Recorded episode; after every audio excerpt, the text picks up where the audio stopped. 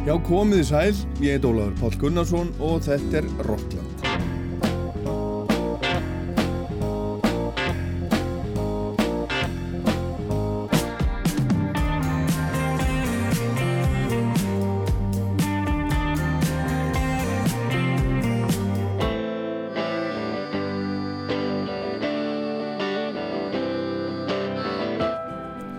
Í Rocklandi í dag ætla ég að skjótast hingað og þangað. Við förum til Úkrænu eða svona áleiðist þangað í tónlist með U2, Julian Lennon og Pink Floyd.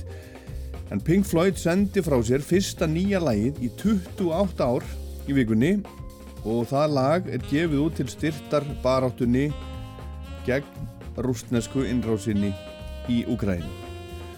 Og Bono og Edds úr U2 tóku líka upp lag í vikunni fyrir Úkræninu og Julian Lennon söng Imagine eftir pappa sinn í fyrsta skipti ofinbella í svona söpnunarþætti á vegum saminuðu þjóðana núna.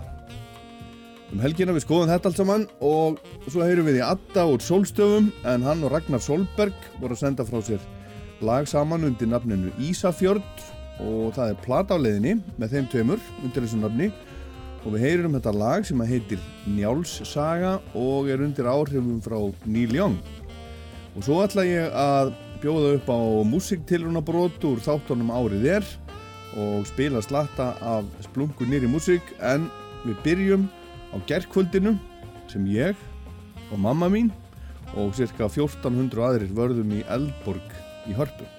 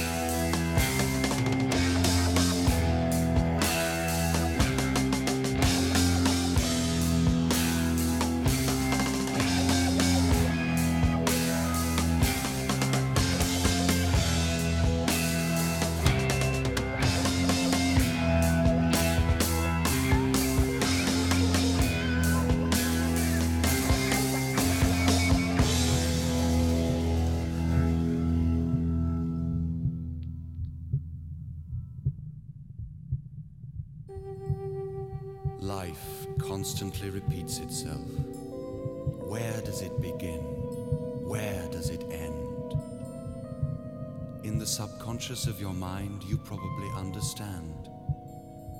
But in the haze of your awareness, you think you have the answer in your hand. The belief in death is sometimes stronger than in life. But if you believe that much in life, what could that do for you?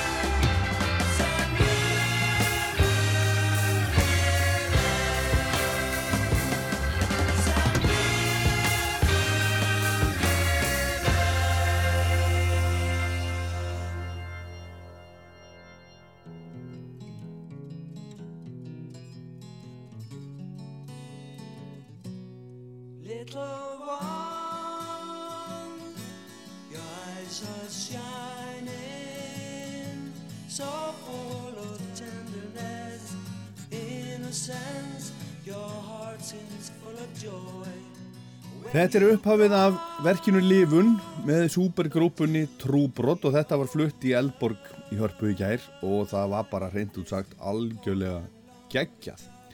Á sviðinu voru Gunni Þorðar og Maggi Kjartans úr Trúbrott. Maggi spilaði á flíil og söng og Gunni satt með gítarnu sinn til hliðar á sviðinu og var svona í meira auka hlutverki en ofta áður en það var frábært að hann skildi vera með. Höfðingin sá hann, hann söng ekkert en, en, en talaði smávegis.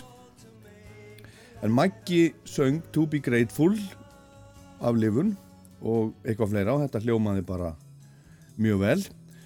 Og svo voru þarna Jón Ólafs á Hammond, Pétur Gretarsson á slagverk Mattías Stefánsson á gítar, fiðlu, mandalín og fleira og Ásildur Haraldsdóttir, flautuleikari sem var algjörlega frábær viðbót og svo strákarnir ungu ungumennir, kjarnin í hljómsveitinni Rocksveitin The Vintage Caravan. Frábærir. Og söngvararnir Stefania Svavastóttir og Stefan Jakobsson sem að sungu megnið af prógraminu sem að var lifun í helsinni eftir hlje og hinn og þessi trúbrottslög í fyrirlutanum og svo má ekki gleyma trúbrott söngkonunni einu sönnu Shady Owens sem að flög frá Englandi þar sem að hún býr til að taka þátt í þessu og hún var alveg æðisleg, algjör stjarnar. Hún var búin að vera lasin í vikunni, fekk flensu eftir fyrstu æfingu og það leit út fyrir að hún erði bara ekkert með. Hann var hjá mér í rockþættinum Fuss, gersta umsjónamaður, gersta plötusnúður, hann, hann Óskar Lógi úr Vintage Caravan á förstu daginn og hann saði að það var ekkert víst að hún erði með, myndi hugsalega syngja eitt lag, eitthvað eitthvað svo leiðis, þið getið fundið þann þáttu þetta í, í rúf spilarannum og, og allt það. En sem betur fyrr gat hún verið með og hún var bara æðisleg. Það geyslaði af henni og, og hún sönga miklu öryggi og það var alveg hríkala gaman að sjá hana og heyra. Og þær saman, hanna og, og Stefáníu Svavastóttir hún var líka alveg frábær og, glæsileg eins og Steppi Jak sem að bar hitan og þungan af sögnum á samt Stefáníu og þetta var bara í einu orðu sagt algjörlega frábært. Það var svo gaman að sjá og heyra Vintage Caravan, keira þetta áfram með öllu sínu sínu, sínu stöði, þetta er alveg æðislega hljómsveit. Sjá svona einlega spila gleði og, og fagmennsku fram í fingugóma og ég hef nokkrum sinnum heyrt lifun uh, og séð uh, flutta á sviði bæði lifun og aðra trúbrótsmusik en aldrei svona. Þessi strákar eru með þessa músik í blóðinu, þeir kunna þetta út og inn, aftur og baka áfram og ég var einlega bara hlægjandi allan tíman, þetta var algjörlega æðislegt.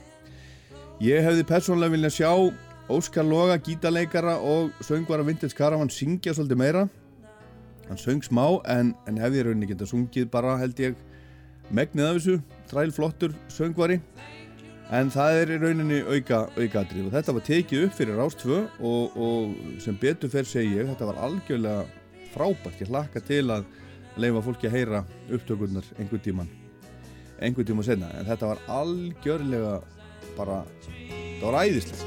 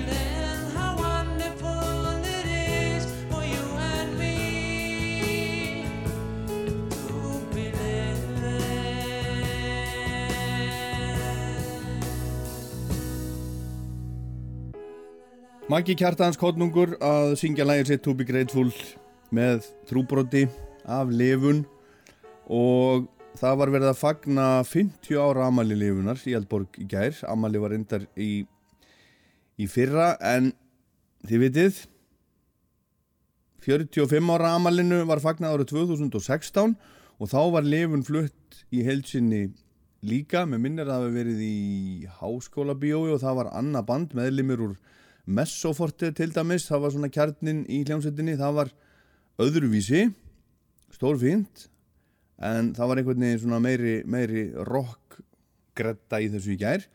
En ég gerði þátt um lefun 2016 í tilefna 45 ára ámalinu sem ég byggði reyndar á þætti sem að Lísa Páls og Andrea Jóns gerðu fyrir páskadaskrána á Rástvö ári 1991 þegar lifun var 20 ára og við skulum heyra smá brot úr þessum Rockland-þætti sem var nummer 998 2016 lifun í 45 ár.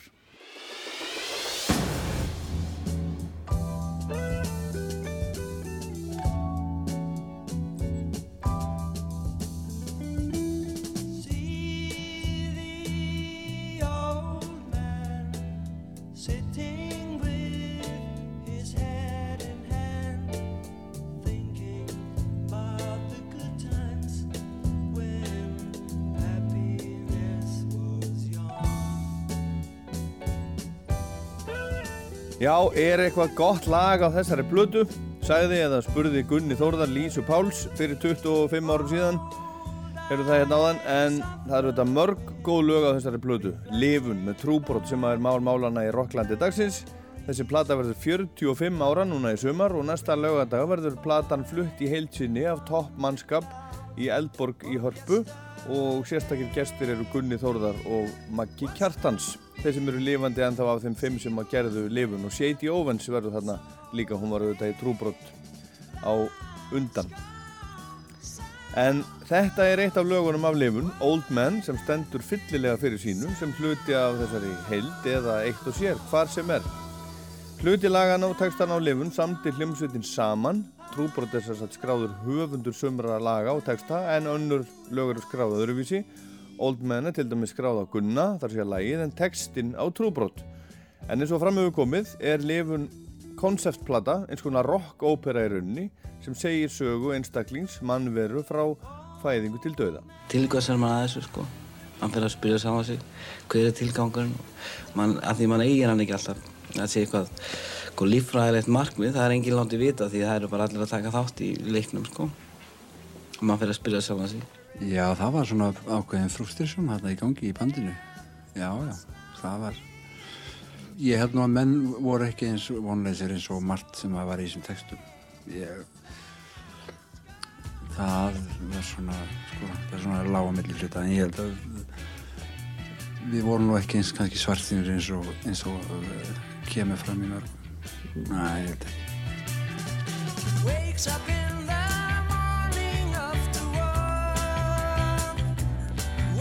tonight.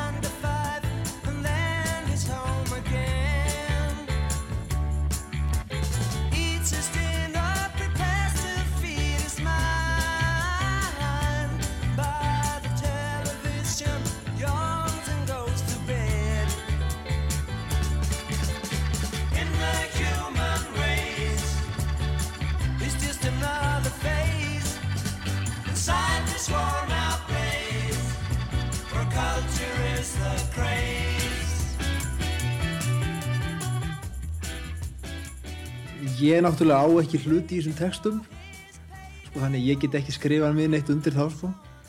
og ég er alveg, alveg hérna, frí, alg, og ég er algjörlega frýr við allt sem heitir það þó að ég minnist þess nú að hafa nú verið rætt sko, textatinn hafi verið rættir svolítið mann á meðal, sko, hvað væri verið að segja það þá breytir það ekki því að, að, að ég er voðalega lítið, ég átti ekki þátt í því og ekki, myndi segja að þetta hefði ég, þegar uppi staði þá var þetta nú ekki al, al, alfarið neitt mína skoðan sko. ég hef ekki skrifað undir þetta sérstaklega ég er náttúrulega meira hljóðfærileikar hafi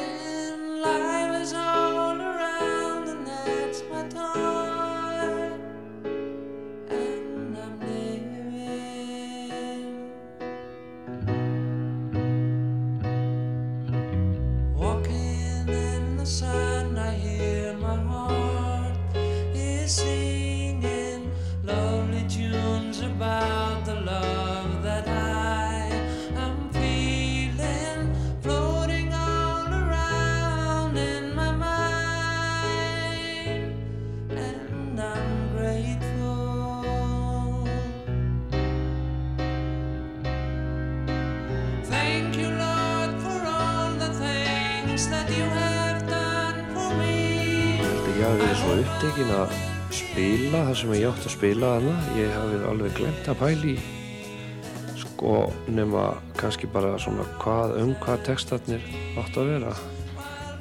Ég hugsa aldrei og hef aldrei hugsað neitt mikið um það hver, hvort að ég hafi haft einhverja afstöðu eða, eða, eða við einhverja eina heildar afstöðu til hlutana það var ég gerði sjálfur þarna hvað tvo texta og tvö lög og mér fannst jú, kannski ég lísti, lísi minni afstöðu sem Óskup Svipar hún er enn þann dag í dag í læginu Be Grateful og svo er eitthvað annar lag sem ég bara man ekki eins og hvað heitir sem ég gerði texta við líka. Það, það eina sem ég mann er að það er á svipun stað hinn meginn á blötunni Is there a hope for tomorrow? Já kannski hérna svolítið hérna það er kannski akkurat hinn hliðin á móti texta eins og tökur greitóla en það er líka, líka haft hinn meginn á blötunni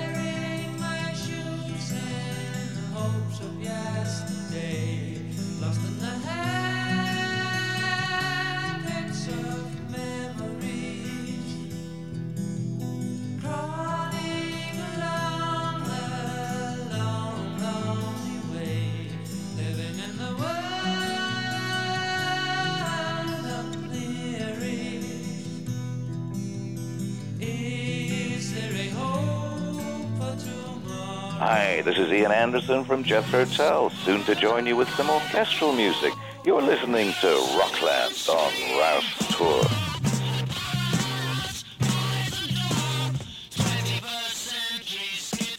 Ekkert verður til rengur, það veit allir og það er listin ekki undanskilin, eitt leiðir af öðru og áhrifavaldarnir voru margir hjá þeim félögum í Drúborta sjálfsögur. Það voru nokkuð margar, við spilaðum uh, King Crimson doldið mikið, þessi hljómsveit og Jimi Hendrix og við vorum að tala um ellend áhrif sko. Síðan er þetta bara þessi gömul áhrif sem við vorum að búin að annast upp í. Því að við vorum eins og ég og Gunnar vorum, eða flestir ákveður vorum búin að vera í músikin í ja, 5-10 ár þegar við gerum lifun. Og þar áður sem ónleikar sko að að fíla Chuck Berry og svoleiðis eldra rock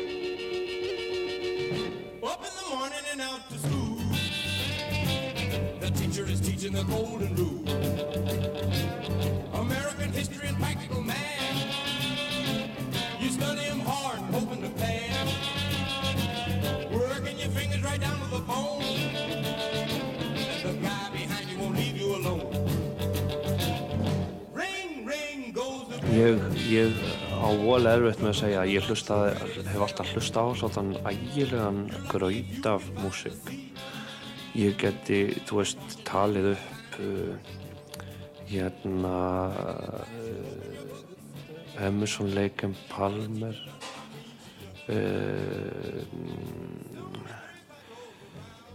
Spencer Davis Group og Traffic Traffic hlusta ég mjög mikið á. Náttúrulega Blind Faith sem voru þarna uppi. Ég held ég hef nú bara aldrei hlusta á neina plötu eins mikið og þá plötu sem þeir gerðu. Uh, síðan var, kom einhver ægilegu grautur af, af uh, amerískri músik uh, eins og Brett Eagles já og síðan þessi kannski öss, neð þessi vestustrandar lína hérna Electric Flag og Paul Butterfield bluesband. Já þetta er þetta er nú svona sko kannski eitthvað af því sem maður var að lusta á þessum tíma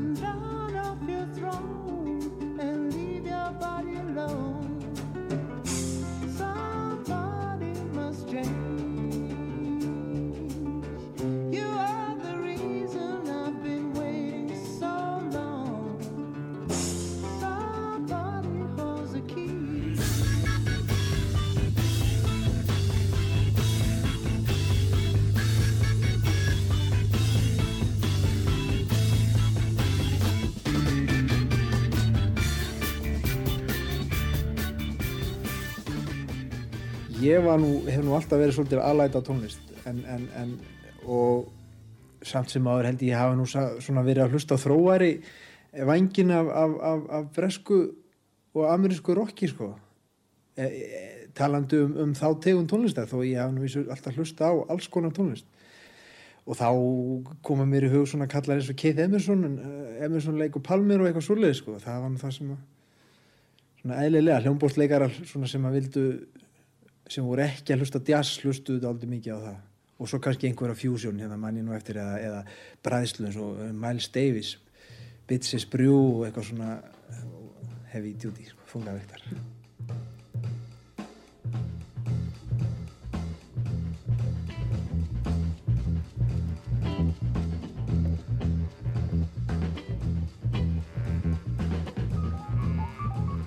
Þegar lifun var rifjuð upp hérna á Rástöfu fyrir 25 áru síðan þá sáðu mér, hún Andrea Jóns að, að fyrir trúbrotsmennu voru svolítið hissa á að veri verið að eitthvað að rifja þetta upp kom þeim á óvart og þeir voru spurðir hvort að þeir litu á þessa plötu sem einhvers konar tímamóta verk Skulum heyra hvað þessu er. Sko ég á svolítið erfitt með að tala um þetta svona því ég er nú sjálfur þáttakandi í þessu. Ég gæti nú vel trúa því að það, hún, hún þóli þann titil nú alveg að, svona meðal íslenskara unglinga hafa verið það sko sem voru að reyna að spila þessa tónlist þá með, með, með, hún hafa nú geta kallast það.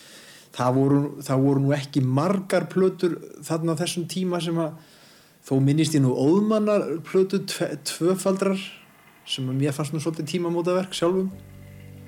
Líklega heldur fyrr en lifun. En, en ég myndur kannski segja að lifun hafi haft svona svolítið meiri glampa svona, hafi svolítið glampa meira á hana hinn hafi farið heldur svona k- og hljóðlátar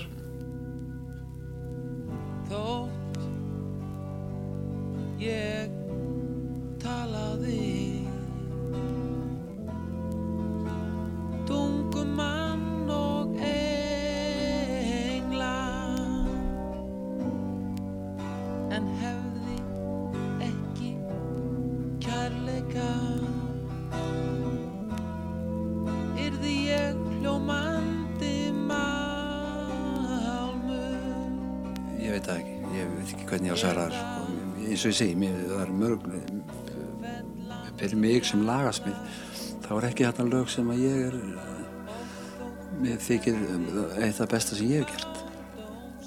En sem band er þetta einlega ábyggilega besta band sem ég tíðan verið í.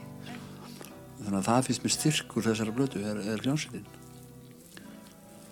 Og þar eh, á stærstan hlut Gunni Jökull þó að, að mér finnist sko Gunni Jökull var sko aðeins farin að slá slöku við hana en, en það var ekki farað á honum. Meina, hann, hann svona ef ég hugsaði tilbaka þá svona misti hann áhugan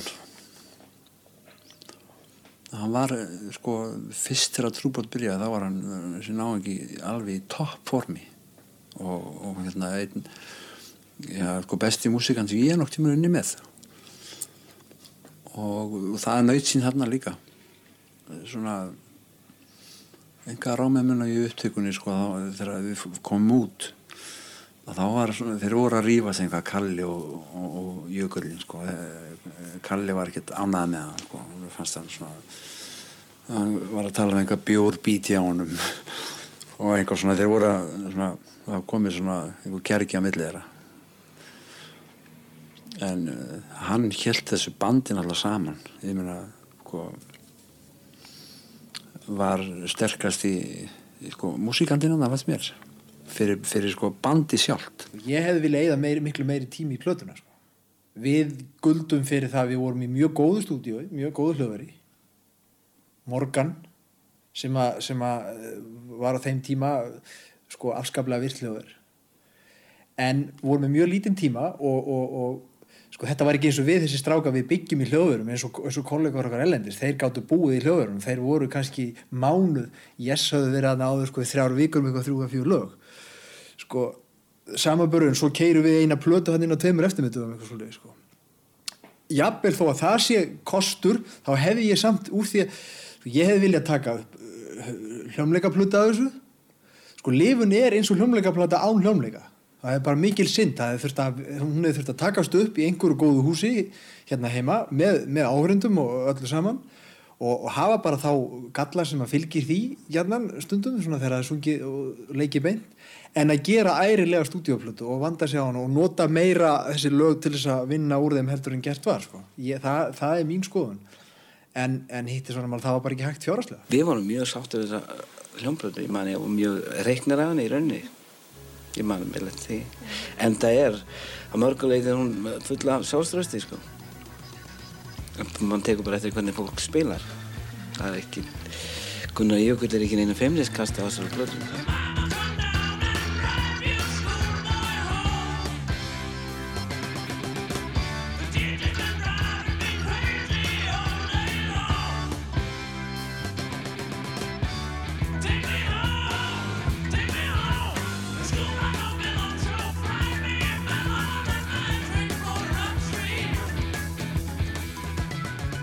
Þetta var fyrsta hljómplata sem, að, sem ég hafi spilað á sem var virkilega vel undirbúin.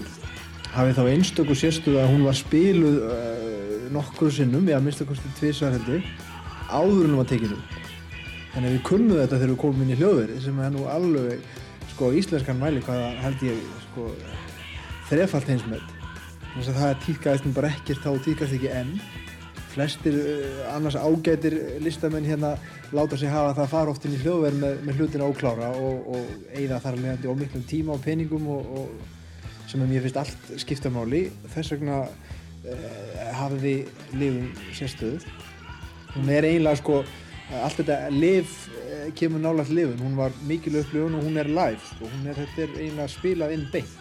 En þetta er hún það, hún er mjög fáa upptökutíma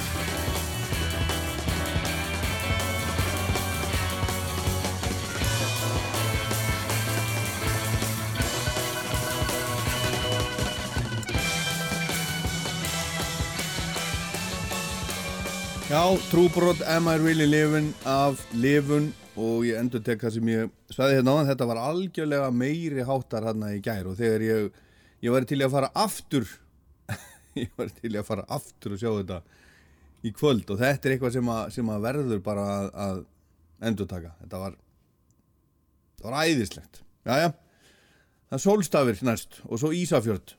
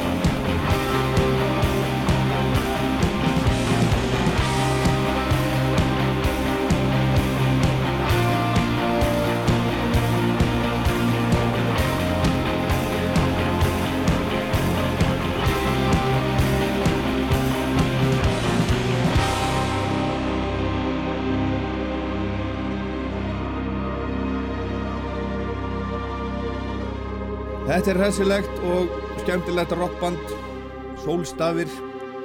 Eitt af, eitt af bara eitt af rockbandunum sem við Íslandingar erum, erum bara hefnir að hefnir að eiga. Söngvarinn og gítarleikarin í, í Sólstofum er hann Addi Aðalbjörn Tryggvason og hann er búinn að vera að bralla svolítið upp á síkastið til hliðar við Sólstafi. Sólstafir hafa verið í ágætis fríi náttúrulega út af, út af COVID en það er heilmikið bókað hjá þeim í, í sumar af tónlistarháttíðum ég, ég sá að hann var að, hann var að byrta á Facebook alls konar plakött á, af, frá, frá rockháttíðum þar sem að Sólstafir eru bara komnið nokkuð hátt á, hátt á listan. Eru bara svona að verða eitt af, eitt af aðal böndunum á þessum, þessum rockfestivalum og þeir hafa verið að hita sig aðeins upp hérna, þeir voru að spila til dæmis í húsi Máls og menningar núna í vikunni eða hvort það var á förstu daginn, ég maður það ekki. Og þeir voru líka að spila eitthvað annað svona lítið gig hérna í Reykjavík. Þeir eru, þeir eru að koma sér í form, þeir eru í æfingabúðum.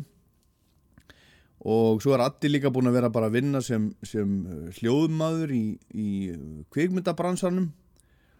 Og eitt og annað menn verða að hafa uh, eitt og annað fyrir stafni svona til hliðar við þennan músikbransa, ég tala nú ekki um þegar það er ekki hægt að, hægt að spila eins og hefur verið en hér ætlar Addi að segja okkur frá, frá nýju verkefni sem hann er búin að vera með í smíðum. En verkefni, mér er nú alltaf ítla við að vera að tala um svona músik sem einhver sérstök verkefni. En hér er allavega Addi Aðalbjörn Tryggvason. Komið sæl, ég heiti Aðalbjörn Tryggvason. Mér langaði þess að segja frá uh, hljómsýttinni Ísafjörð Ég og uh, Ragnar Solberg sem er uh, með mér í þessari hljómsveit. Við höfðum uh, þekst í mörg ár gegnum aðra hljómsveit mína, Sólstafi og Ragnar hefur lengi verið í, lengi verið kendur við hljómsveittina Sign. Við höfum svona þekst af úr tónlistasenu á Íslandi til, til fjölda ára. En við svona kynntust örlítið upp og nýtt árið 2018 þá vorum við báðir stattir á Ísafyrði Ragnar er, uh, fadir Ragnars er uh, Ísfyrðingur fættur á uh, Suðureyri en flyttur inn á Ísafjörð og ég er einnig Ísfyrðingur pappi minn er einnig Ísfyrðingur og uh, við erum þar báðir á Ísafjörði sumari 2018 og endum með að spila saman á tónleikum í tjöruhúsinu á Ísafjörði tökum þar uh, tja, Neil Young og uh, alls konar fleira. Uh, komist síðan að því að báðar ömmur okkar eiga hefðu átt sumarbústaði inn í tunguskói á Ísafjörði og fyrsta eiginlega hljómsveitaræfingin okkar var þannig að ég lappaði úr einum sumarbústað inn í skó og hitti Ragnar hi- á hinum endanum inn í skói sem við æfðum fyrir þetta gig. Eftir þetta gig í uh, akústik uh, eftir þessa akústik tónleika í uh, tjórhúsinu þá langaði okkur að gera meira saman og það var síðan fyrir þremur árum sem að sem er þá vantilega 2019 sem ég fer til eh, Ragnars uh, í Moss í Noregi, Ragnar býr út í sveit út í, í skói rétt fyrir utan Moss í uh, Noregi. Ég fer þangað og er hjá honum í uh, viku og við semjum eitt lag á dag. Og uh, sem vinnum við plötuna svona eftir eftir vinsla fer fram svona hægt og bítandi. Það kemur COVID og barnegnir hjá mér til dæmis. Þannig við vorum ekkert að drífa okkur með eftirvinnsluna. En við sömdum plötuna hérna nánast alla á þessari viku út í skói á uh, í Noregi. Og það var mjög skemmtilegt að fyrsta lagi skemmtilegt að vinna með okkur um öðrum sem verður ekki unni með áður og semja tónlist. Og svo var engin pressa. Við vorum bara að uh, sjá hvað myndi gerast.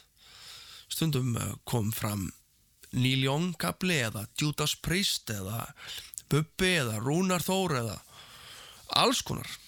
Og þetta er eitt lag sem að já, þetta var uh, Young lagið þetta var að það heyrist nú kannski greinlega það eru Neil Young áhrif hérna uh, eftir uh, nokkrar vangaveltur um lagatitil þá fannst okkur uh, titillin Njálsaga vera mjög einkennandi fyrir þetta lag. Gerið svo vel.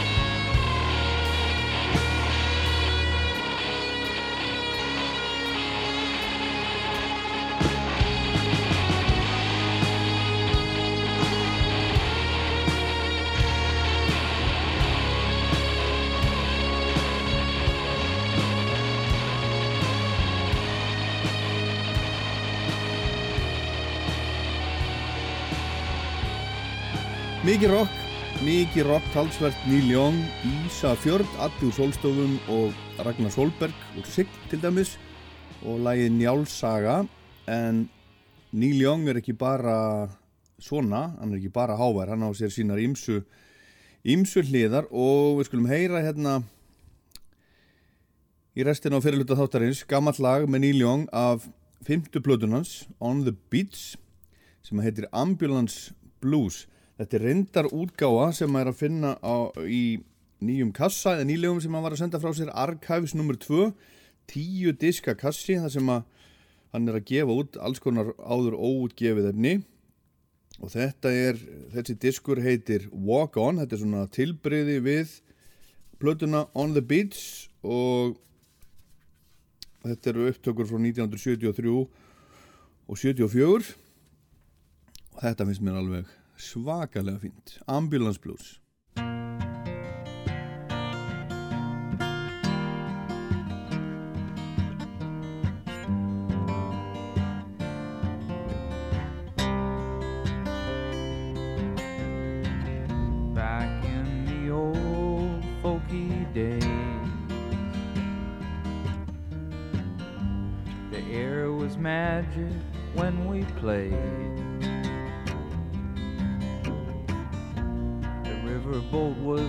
Rocking in the rain.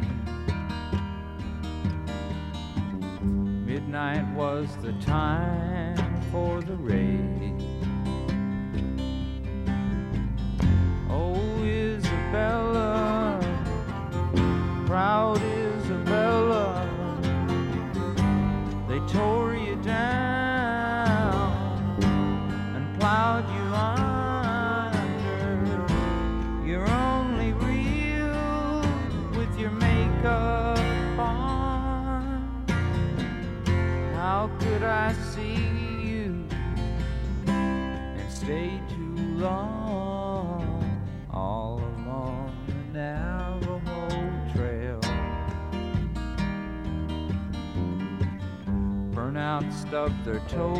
On garbage pails. Waitresses are crying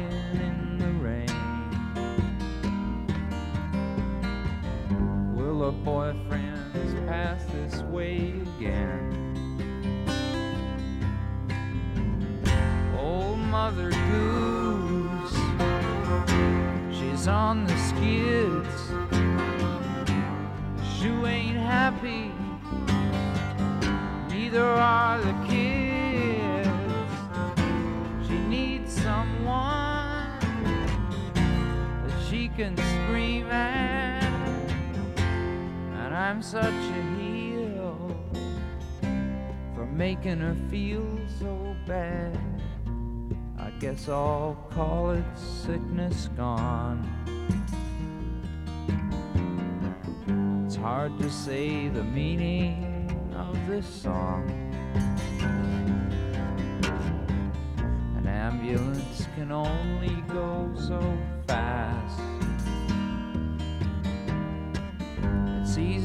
Get buried in the past.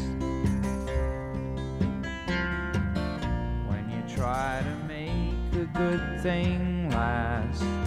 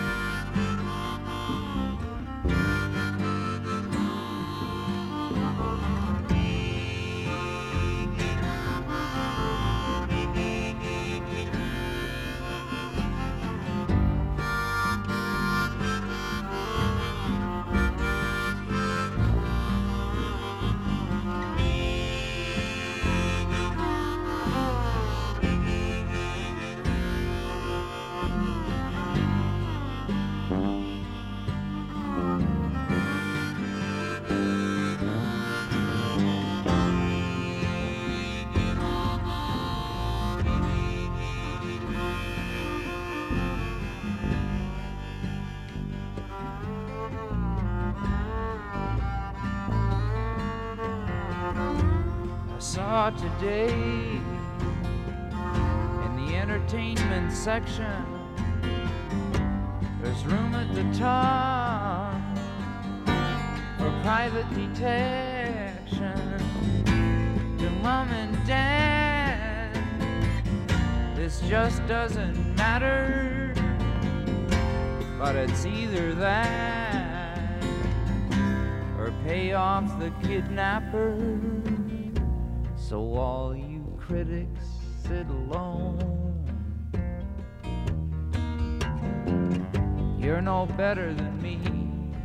what you've shown. With your stomach pump and your hook and ladder dreams,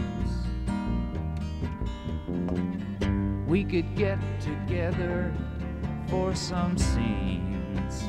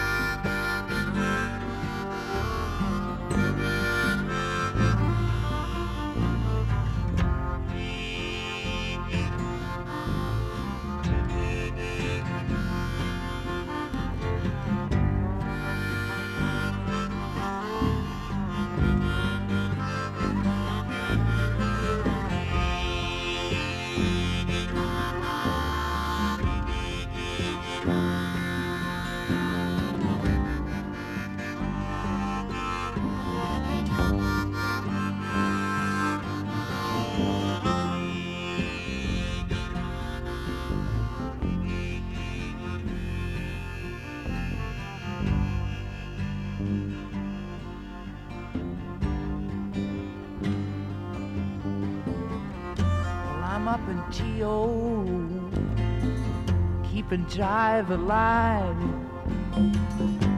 And out on the corner, it's half past five.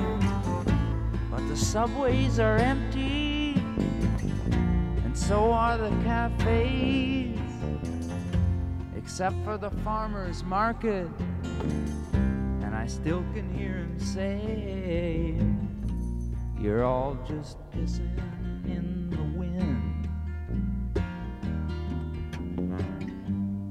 You don't know it, but you are.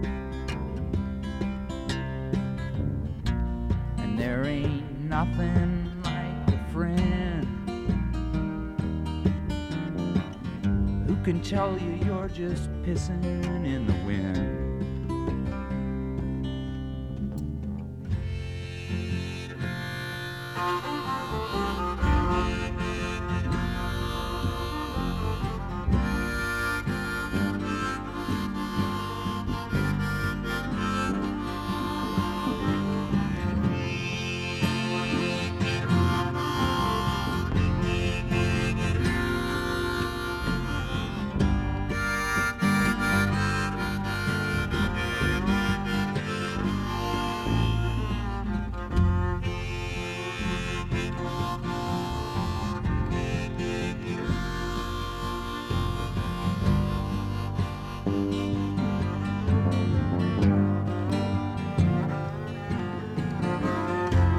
Never knew a man could tell so many lies.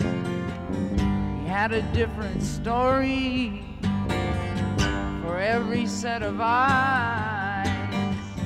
How can he remember who he's talking to? Cause I know it ain't me, and I hope it isn't you.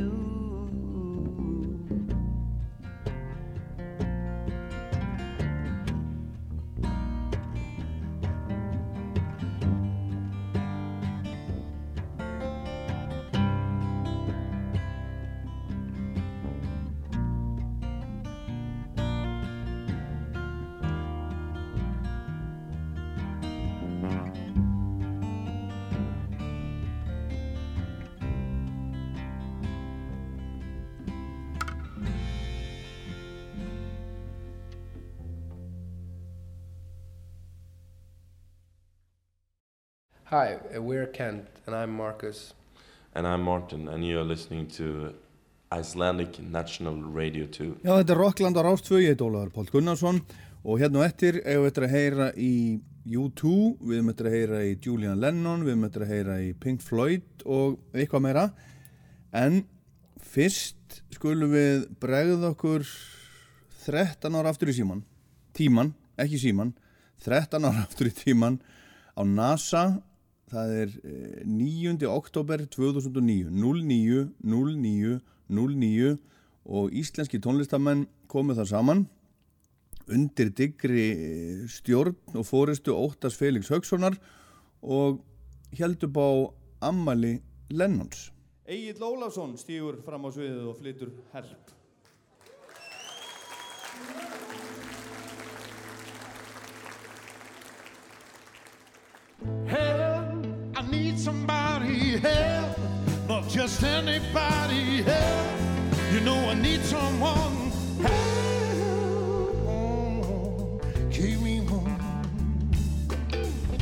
help.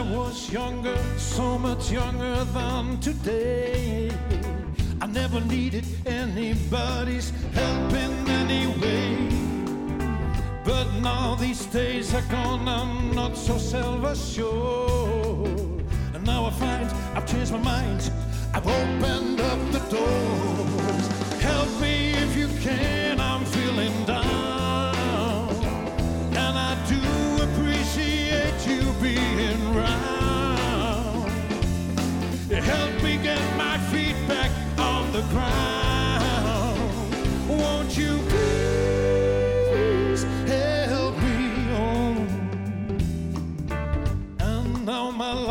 changed in oh so many ways. My independence seems to vanish in the haze. But every now and then I feel so insecure. I know that I just need you like I've never done before. Help me if you can, I'm feeling down. And I do appreciate you being round. Help me get my feet back on the ground. Won't you please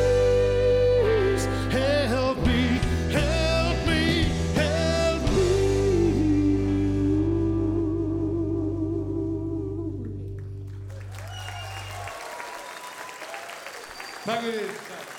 Þessi maður gerir nú allt að sínu. Hérna tekur hann bítlalægið Help og, og, og gerir að sínu. Egil Ólásson á tónleikunum 090909 sem hann fóru fram á NASA þennan dag, 9. oktober 2009 á ammælistegi Lennons. Og þarna er Lennon að kalla á, á hjálp og það er víða verið að kalla á hjálp. Það er verið að kalla Úkraina kallar á, á hjálp. Og núna í gær fór fram Uh, söpnun og svona, uh, já, söpnun, Evrópusöpnun undir yfirskriftunni Stand Up for Úgræna, stöndum upp fyrir Úgrænu, hjálpum Úgrænu.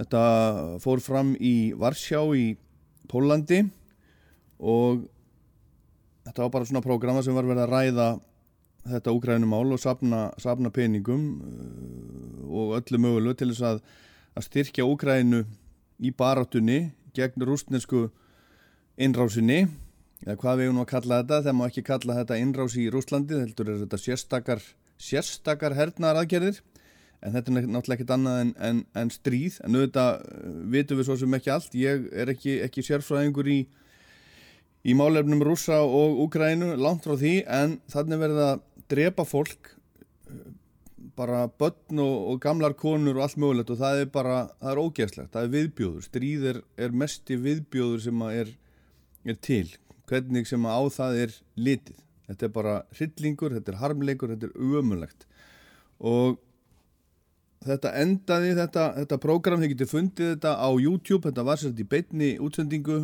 beinu streymi en þið getur fundið þetta á YouTube og, og horta á þetta allt saman frá lög og, og, og kynnt ykkur þetta. En þetta endaði, þetta var svona einna hólu tími og þetta endaði á því að Julian Lennon, sonur Lennons flutti Imagine eftir pappa sín og það var eitthvað sem hann var búin að lofa sjálfum sér og öðrum að hann myndi aldrei gera hann alltaf, aldrei að spila Imagine ofinbelli, það er bara lægið hans, hans pappa en nöðsinn brítur lög og, og allt það. Og hann ákvað að verða við við beðni þeirra sem að stóðu að þessu og tóku upp Imagine að því gítarleikara Nuno Battencourt með sér. Og þessi söpnun sem var á vegum Evropasambansins, hún sapnaði 10 miljörðum dollara til styrtar Úgrænu og hvað það gerir veit ég, veit ég bara ekki en ég held að þessi betra, allt er betri en ekki neitt. Og bara þetta að, að tónlistamenn og alls konar fólk skuli taka upp hanskan fyrir, fyrir þetta, þetta, þetta fólk sem hefur verið að murka lífi úr hérna út í Ukraínu það er bara alltaf hinnu, hinnu góða. Við skulum heyra Julian Lennon flytja Imagine. Þetta er upptakan frá því í gær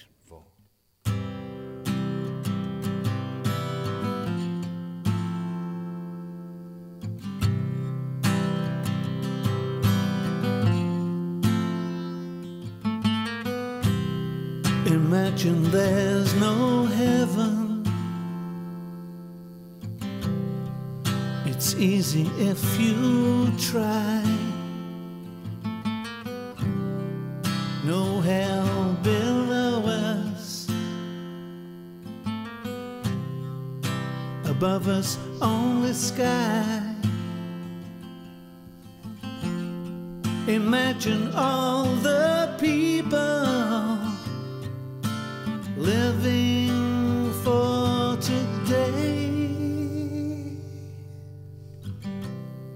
Imagine there's no countries. It isn't hard to do. Nothing to kill or die for. And no religion too. Imagine all the people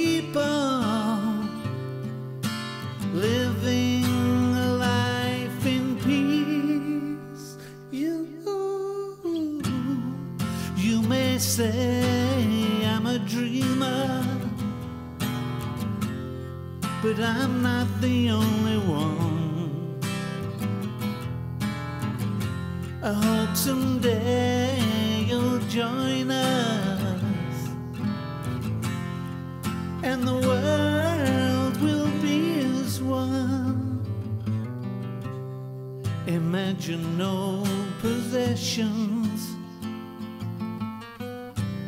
I wonder if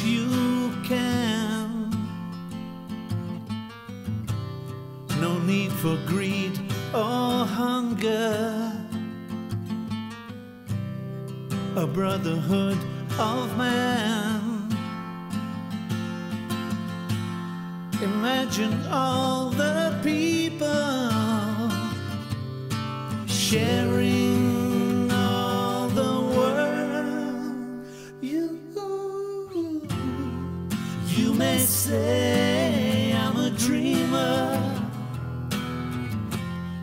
but I'm not the only one.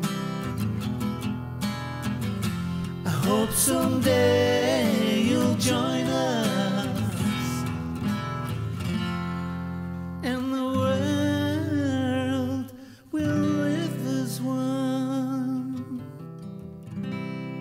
Julian Lennon og Imagine sem hann flutti í gerkvöldi í þessari þessari söpnun Stand Up for Ukraine stöndum upp, hjálpum Ukraínu sem að Evrópusambandið stóð fyrir.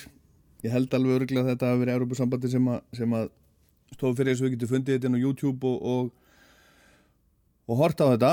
En það eru fleiri í svona svipuðum svipuðum pælingum og þeir hafa nú verið lengi á þessari línu.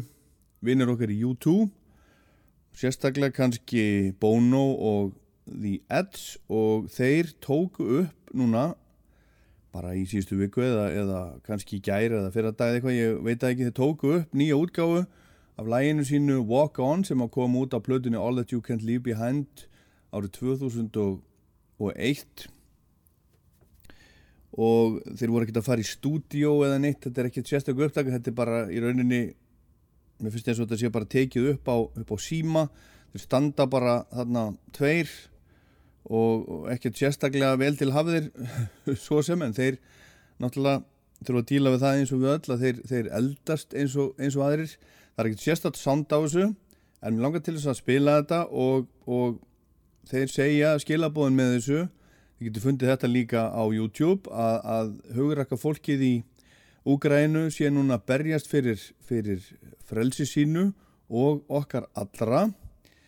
Og þeir þurfa, þurfa að mæta alveg ótrúlegu ofbeldi og, og, og óréttlæti í þessari innrás og meirinn fjórar miljónir manna mestmegnis konur og börn hafa þurft að, að bara flýja lífsitt, flýja heimili sín og, og, bara allt, allt sitt.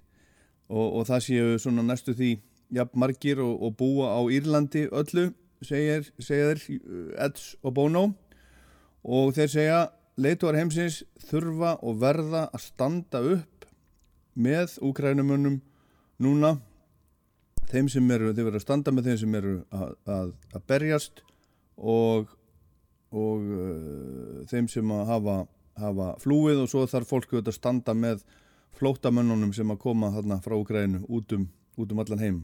Fólki sem hefur þurft að að bara segja skili við, við allt sitt, eh, sitt fyrir líf til þess að, að, bjarga lífið sínu. Heyrum hérna Bono og Edge spila Walk On fyrir Ukraínu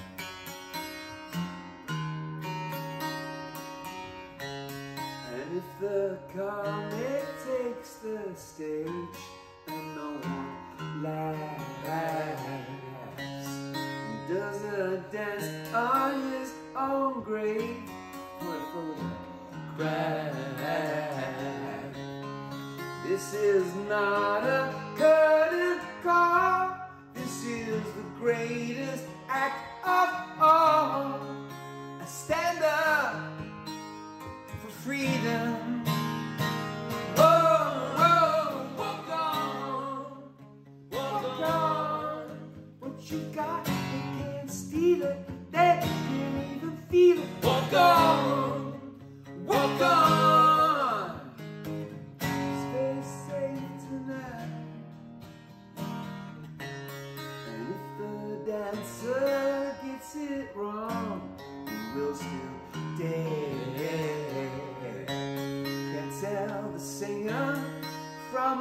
Song if it gets you there. And there's a kind of rage that you can keep inside a cage. You fight or you fly, we're born or we die for freedom. Whoa, whoa, walk on, walk on. What you got, they can't deny it, can't sell it or buy it. Walk on, walk.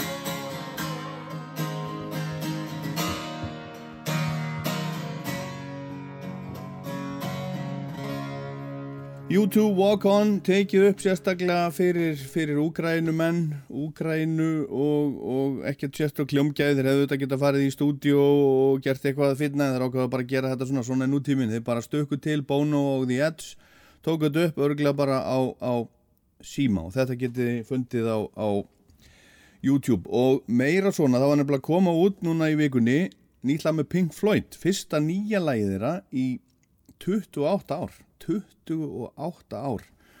Og sagan er þessi að að David Gilmour úr Pink Floyd hann var spurður fyrir, fyrir nokkrum vikum, eða tveimur vikum hvort hann væri búin að sjá uh, á Instagram náunga sem að heitir Andri Klivniuk hann er söngvari uh, svona aðalmaður í, í hljómsveit úkrænskri hljómsveit sem að heitir Boombox og þeir þekkja spingulítið vegna þess að Boombox spilaði með David Gilmore í London árið 2015 það voru tónleikar fyrir, uh, fyrir það sem heitir Belarus Free Theater og þetta voru einhverju svona fjárarblunar tónleikar og, og þeir spiluðu sem sagt saman, þeir spiluðu nokkur Pink Floyd lög og, og lög, sólalög eftir, eftir Gilmore. Og svo er bara þessi, þessi náingi, Andri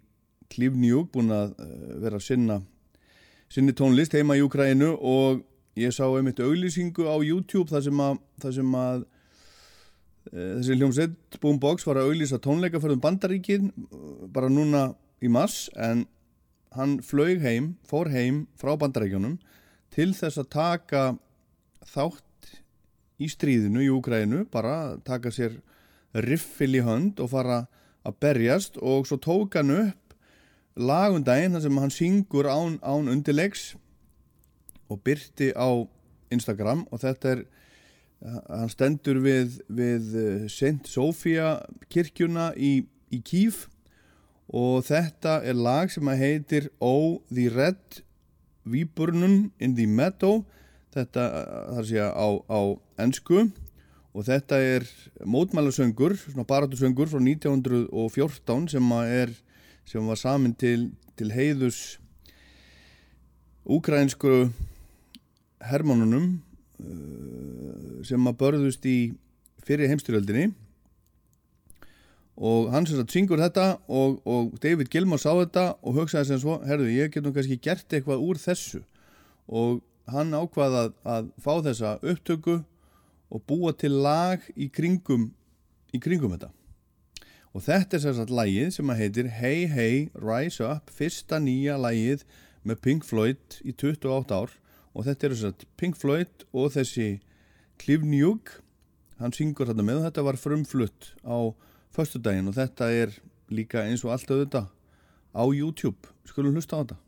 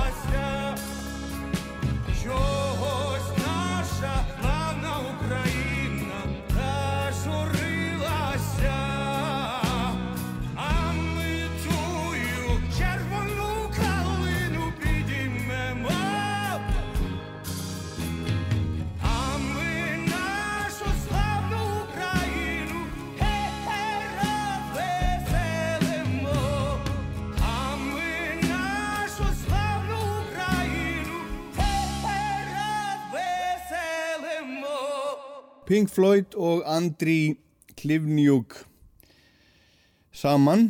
Fyrsta nýja Pink Floyd lagið í 28 ára eins og ég saði Hey Hey Rise Up fyrir Úkrænu og þeir eru nú til fullt af fólki sem að segist ekki skilji því að sé verið að blanda pólitík saman við tónlist en eh, mér finnst þetta einhvern veginn bara óaskynlegt ef að e, tónlist hefur alls konar, alls konar hlutverk hún, hún hún gleður okkur og, og hún huggar okkur og, og gerir allt mögulegt og eitt af því sem hún gerir er að hún fær fólk til þess að hugsa kannski hlutina upp á nýtt. Þannig að ef fólk notar þetta form til þess að koma einhverjum skilabóðum á, á framfæri fá fólk til þess að hugsa hlutin upp á nýtt og svona þá er ég með því allan daginn.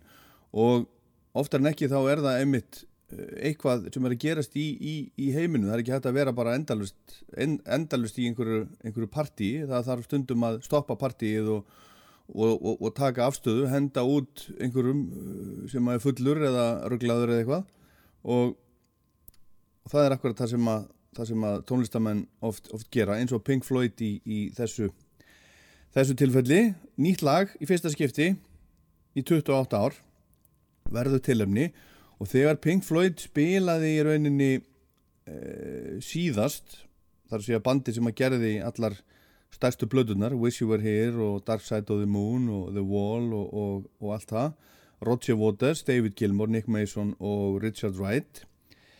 Það var í Hyde Park annan júli árið 2005 á, á tónleikonum sem að voru haldur undir yfirskriftinni Live 8 Live 8 þetta voru góðgerðar tónleikar sem voru haldnir til að vekja aðtegli á, á fundi G8 ríkjana sem að fóru fram í Skotlandi 7. til 8. júli 2005 og þarna komu tónlistamenn menn saman til þess að, að fá þessi, uh, þessi stærstu innríki heims til þess að, að hjálpa þriði heiminum og Afríku og, og þetta voru þessi, þessi samtök eins og Make Poverty History og, og allt það.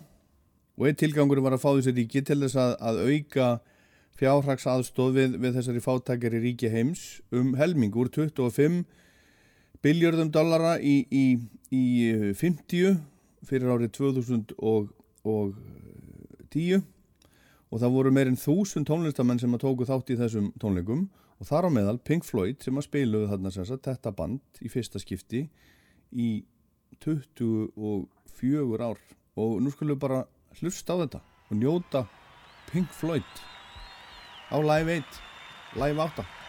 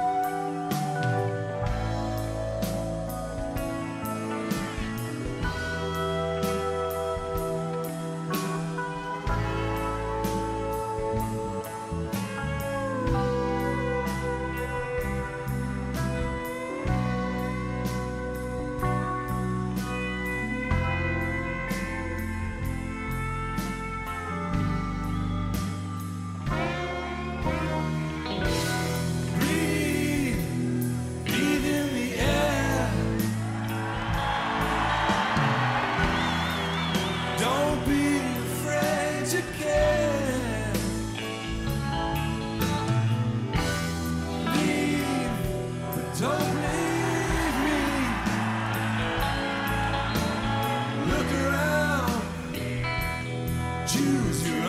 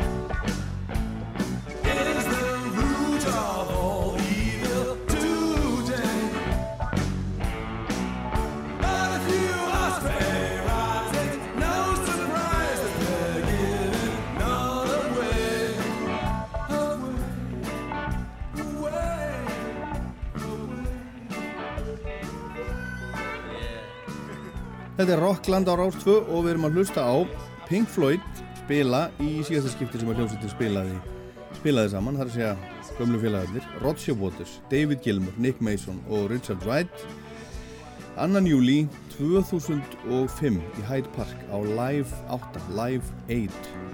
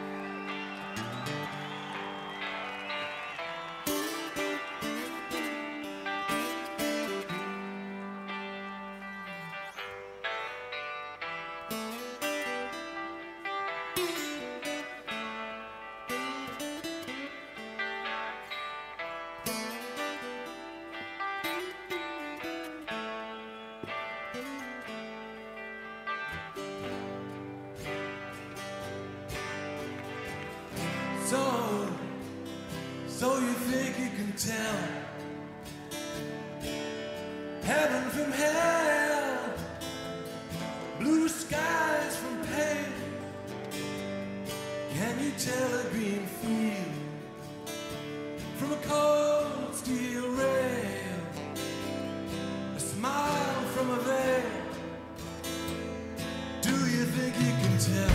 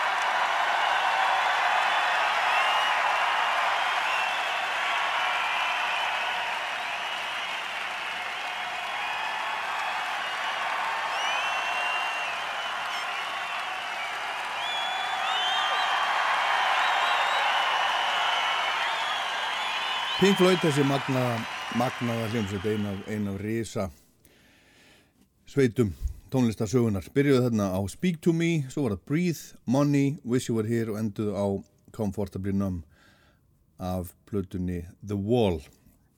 Og þetta er síðasta skipti eins og sagði sem að þeir spiluðu fjórir saman, Roger Waters, David Gilmour, Nick Mason og Richard Wright og nú er einn af þeim auðvitað látin og í þessu nýja Pink Floyd lægi sem við vorum að senda frá sér þá er Waters ekki ekki með. En þetta er svo sannlega rástuð þetta er Rockland og nú er Rockland að vera búið og ég ætla að minna á Rockland á rúf.is og á, á í rúf spilaranum og svo er podcast á Spotify og iTunes og allt það sem er náðið ykkur í, í, í hlaðvarp. Þannig að þið getur bara hlusta á Rockland þegar ykkur, þegar ykkur hendar og, og, og hveti ykkur til þess. Að það eru, það eru alveg hellingur að þáttum og örglega eitthvað sem að ykkur finnst áhugavert. Ég bara, ég lofa því. Eitthvað, það getur ekki annað verið. Og ég minni líka á Rockland mælir með lagalistan sem ég uppfæri mánaðarlega á Spotify.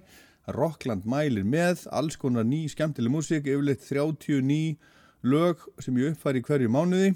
Og þið getið fundið þetta og tjekkað og svo hlusta á ef ykkur líkar við þetta og getið smelt á hjartað og þannig fylgiði fylgiði listanum. Og þá fáið alltaf sér, 30 ný lög sem að ég vel sérstaklega í hverju mánuði. En þið ráðið kannski hafðu ekki áhugaði og þá er það bara þannig. En ég ætla að enda þennan þátt á svona upptakti fyrir fyrir næsta þátt sem að er Rockland á páskadag á páskadag og annan í páskum verða tveir þættir klukkan fjögur helgaði Rock í Reykjavík kvikmyndinni og plötunni og tónlistinni og tíðarandanum. Ég ætla að sjá um þáttin á páskadag og, og fjalla um bara hvaða áhrif Rock í Reykjavík hafði, ég er búin að fá leikstjóran Friðrik Þór Friðriksson til þess að sita með mér og svo koma fleiri gestir í heimsók líka og við ætlum að fara aðeins yfir þetta, ræða þetta fram og tilbaka, þetta er eina af mínum uppáhaldsmyndum og það er akkurat í dag sem að hún á 40 ára ammæli þessi mynd, það eru 40 ár síðan Rock í Reykjavík var frumsýnd, ég hlakka mikið til þess að vinna í þessu í, í næstu viku. Við ætlum að tala saman á þriðudaginn, ég og, og Friðrik og fleiri sem að komu að Rock í Reykjavík á sínu tíma. Og ég ætla að enda þáttin í dag á lægi úr Rocky Reykjavík með Ego, Bubba. Og Ego, hér er Bubbi bara 20 og hvað er hann nú gamall, hann er svona 20 og 5 ára, eitthvað svo leiðis Bubbi sem að var að gera núna samning við, við Axis eldursinnirtingar, hann valdi Axis eldursinnirtingu í nýja húsu sitt út af nesi eins og sjá má í, í fjölmiðlum. En hér er hann fyrir 40 áru síðan. Þetta var Rockland ég heit Ólafur Páll takk fyrir að hlusta